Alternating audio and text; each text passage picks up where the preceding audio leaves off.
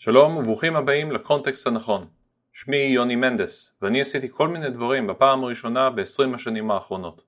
אני מאמין שכולנו מתמודדים עם אותן הבעיות, כל אחד ואחת מאיתנו בהקשר שלו מככבים בסרט הפרטי שלנו.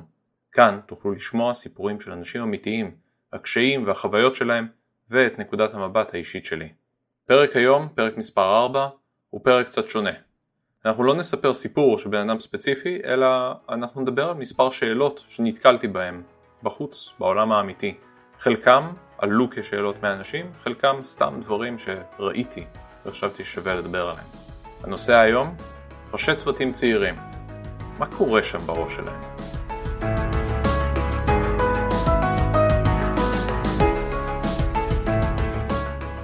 לגיימרים יש שם למישהו שממש ממש חדש במשחק. קוראים לזה נוב. נוב הוא מישהו שלא יודע איך לשחק. הוא לא יודע את הבסיס של המשחק, הוא לא מכיר אותו בכלל. הוא עכשיו מגלה כמו תינוק את העולם, איך משתמשים בו ואיך מפעילים אותו. הבעיה עם נובים זה שהם לא יודעים שהם נובים. הם חושבים שהם עושים את הכל כמה שיותר טוב. הם חושבים שניסיון העבר שלהם, או התובנות שהם השיגו מאיזה סרטון יוטיוב שהם ראו לפני עשר דקות, תן להם איזשהו יתרון בפתיחה. אבל האמת היא שלא. הם צריכים ללמוד מקצוע חדש. וראשי צוות הם לא שונים מנובים במשחקי המחשב.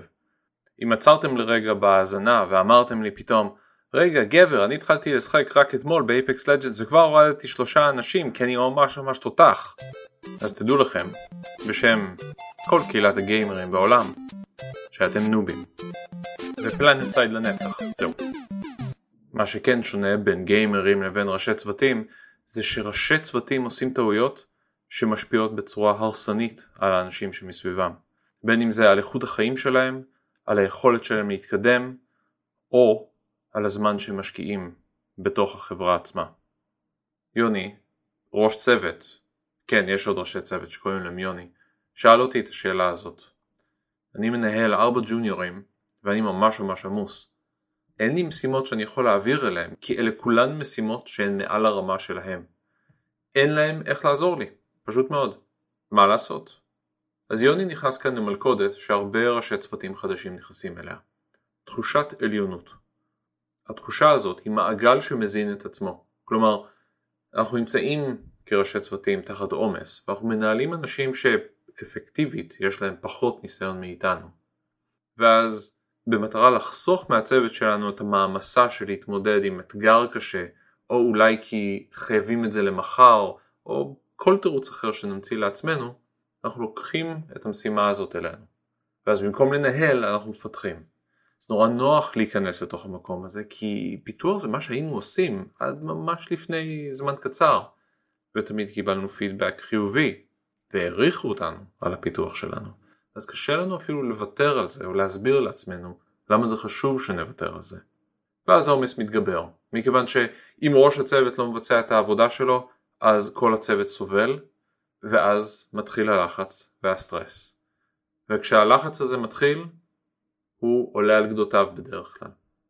לחץ אצל מנהלים, אצל מנהיגים בכלל, בא לידי ביטוי בהרבה מאוד דברים.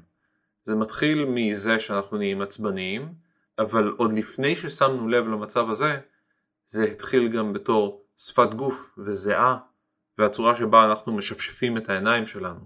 הסטרס הזה נקלט על ידי אנשים אחרים ובאופן מיוחד בתוך הצוות ואז הם נכנסים לסטרס. והדבר הזה הוא מעגל שמזין את עצמו. המפתחים, אנשי הצוות, נמצאים בסטרס, הם לא מסוגלים לעמוד בתפוקות שלהם בגלל הלחץ והסטרס הזה, מה שגורם לנו כראשי צוותים עוד יותר לגונן עליהם ולקחת עוד יותר מהעבודה שלהם אלינו כדי לעזור, כי מה לעשות, הדדליינים לא משתנים בגלל שאנחנו לחוצים. אז אנחנו חייבים לרגע לעצור ולשאול את עצמנו, על בסיס מה אנחנו כראשי צוותים נמדדים.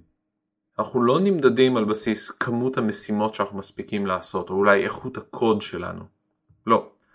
אנחנו נמדדים על בסיס פריון הצוות. הפריון של הצוות זאת נוסחה מאוד פשוטה. זה הערך שהצוות מייצר חלקי הזמן שלקח לנו לייצר אותו. כלומר, עד כמה הצוות מצליח לנצל את הזמן שלו במקום העבודה כדי לייצר כמה שיותר ערך. ותפקיד המנהל הוא למקסם את זה. בשום מקום לא אומרים לנו איך להגדיל את הפריון הזה, והאינסטינקט הראשון שלנו כתוכניתנים הוא פשוט לשבת ולעשות את העבודה. אבל זאת הדרך הכי פחות אפקטיבית בשביל מנהל להגדיל את הפריון. במקום זה, אנחנו צריכים לעשות את הדבר שנוגד לחלוטין את האינסטינקטים שלנו ממקודם. אנחנו צריכים לקחת צעד אחורה, אנחנו צריכים לאתגר את הצוות שלנו, ואנחנו צריכים לתמוך בהם בזמן שהם עומדים או לא עומדים בציפיות שלנו. שאלה השנייה היא מאיתן. ראש צוות ששאל אותי שאלה פשוטה. למה אנשי הצוות שלי לא עושים את מה שאני אומר להם?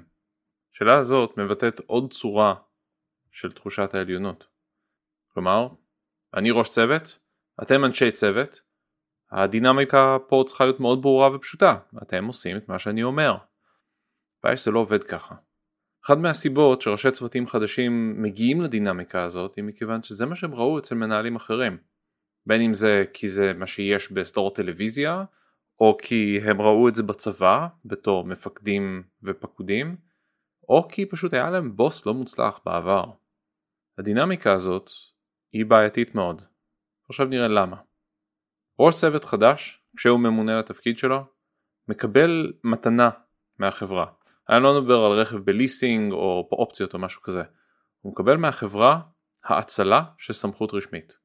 כלומר, עם החבילה הזאת של להיות ראש צוות, אתה מקבל לידיים שלך מין מקל, מטאפורי כמובן, שנותן לך את הסמכות הרשמית להגיד לאנשים מה לעשות. סמכות רשמית זה דברים כמו להחליט איזה משימה עושה מי באיזה שעה ביום, כמה שעות צריך להשקיע באיזה עדיפות, אולי אפילו לאיזה כיוון אסטרטגי לקחת את האפליקציה שאנחנו כותבים, דברים מהסוג הזה. בשום מקום סמכות רשמית לא נותנת לנו את האפשרות פשוט להגיד לאנשים מה לעשות ולצפות מהם לציות עיוור. זה לא הסוג הזה של סמכות רשמית. אז כאשר יש לנו את האי הבנה הזאת לגבי סמכות רשמית, זה לא פלא שמנהלים מצפים מהאנשים שלהם לעשות בדיוק את מה שאומרים להם. המציאות בשטח היא כזאת, כשאנחנו מנצלים את הסמכות הרשמית בשביל להגיד לאנשים מה לעשות, אנחנו בעצם נוציא מהם את המינימום תפוקה האפשרית. תחשבו על זה בעצמכם.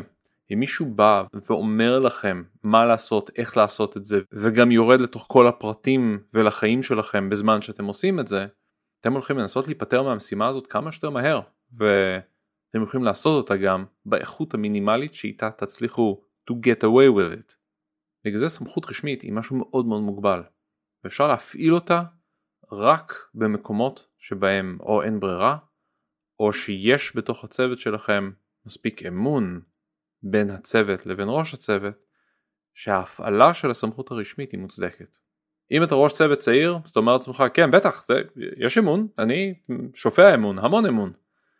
אבל האמת היא שאם אתה בתפקיד חצי שנה, אין לך עדיין את האמון הזה. האמון שנדרש בשביל להיות במקום הזה דורש הרבה השקעה, הרבה מאוד זמן והרבה עבודה בלי שימוש בכלל בסמכות רשמית. זה אתגר מאוד גדול, זה בעצם האתגר של ניהול. בכל מקרה, אם אתם מוצאים את עצמכם תוהים האם כדאי להפעיל את הסמכות הרשמית שלכם על משהו, אני מאוד מאוד ממליץ לכם לחפש כיוונים אחרים. אנחנו לא ניגע בזה עכשיו, אני בטוח שיהיו לנו פרקים נוספים על זה. חוץ מזה, אני רוצה שתחזרו לשמוע עוד. אבל אני כן אשאיר אתכם עם המחשבה הזאת. הבעיה הכי עמוקה עם סמכות רשמית זה שהיא מגובה רק בדבר אחד, האיום בפיטורים. חברי צוות, אני יודע שאתם סובלים עכשיו. אבל בסופו של דבר, ראש צוות מנוסה זה משהו שצריך להתבשל יחד עם הצוות. יש לכם פה הזדמנות בעצם לעזור לעצב את ראש הצוות שלכם, ואתם יכולים לעשות את זה בשתי צורות. הראשונה היא עצמאות. עצמאות זאת היכולת להחליט החלטות ולהגיע להישגים בעצמכם, מבלי לערב את המנהל. כשאתם נמצאים במקום הזה אתם יכולים למשוך אחריות מראש הצוות ולאפשר לו בעצם להתמקד בדברים שבאמת חשובים. בשלב הזה זה כנראה יהיה בהתפתחות העצמית שלו, אבל אל תגידו לו את זה, זה יהיה הסוד הקטן שלנו. הדבר השני הוא יוזמה. יוזמה זאת היכולת לקחת דברים מוכרים, דברים משותפים, ולהשליך אותם על דברים חדשים. כלומר, לקחת תהליכים מוכרים ולפתור בעזרתם בעיות חדשות. כשאתם מסוגלים לייצר תהליכים כאלה של פתרון בעיות, אתם בעצם מאפשרים לראש הצוות, יחד איתכם, לבנות תבניות של תהליכים, לבנות צ'קליסטס או צורות חשיבה בשביל לפתור בעיות שמטרידות את הצוות עצמו.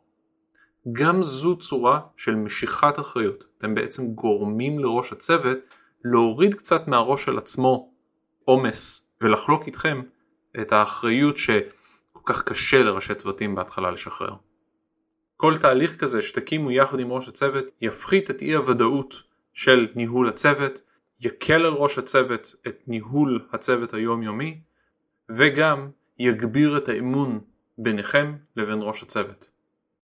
זהו זה. חלק ראשון של שאלות ותשובות בנושא של ראשי צוותים ומה שקורה להם בתוך המוח הסתיים. אם יש לכם סיפור או שאלה או סתם אתם רוצים לדבר, הצטרפו אליי וצרו קשר בפייסבוק, עמוד הקונטקסט הנכון, או באימייל right.context.podcast@gmail.com. תודה רבה לעורך שלי, אברי מיוזיק. תפסו אותו ב Fiverr, יעשה לכם פודקאסט מושלם. הסיפור הזה והשאלות שהצגתי מוגשות בדיוק כמו שקיבלתי אותן. אני לא בדקתי עובדות, אני לא הצלבתי מידע, פרטיות וכל זה. הסיפור הוא אישי, הרעיונות שניסינו ושתיארתי עבדו או לא עבדו בקונטקסט הנכון. ייתכן שהם לא יעבדו בשבילכם בקונטקסט אחר. אם אהבתם, תנו בהמלצות לחברים, משפחות ולפחות ג'ירפה אחת. תודה רבה על ההאזנה, אנחנו ניפגש בפעם הבאה בקונטקסט הנכון.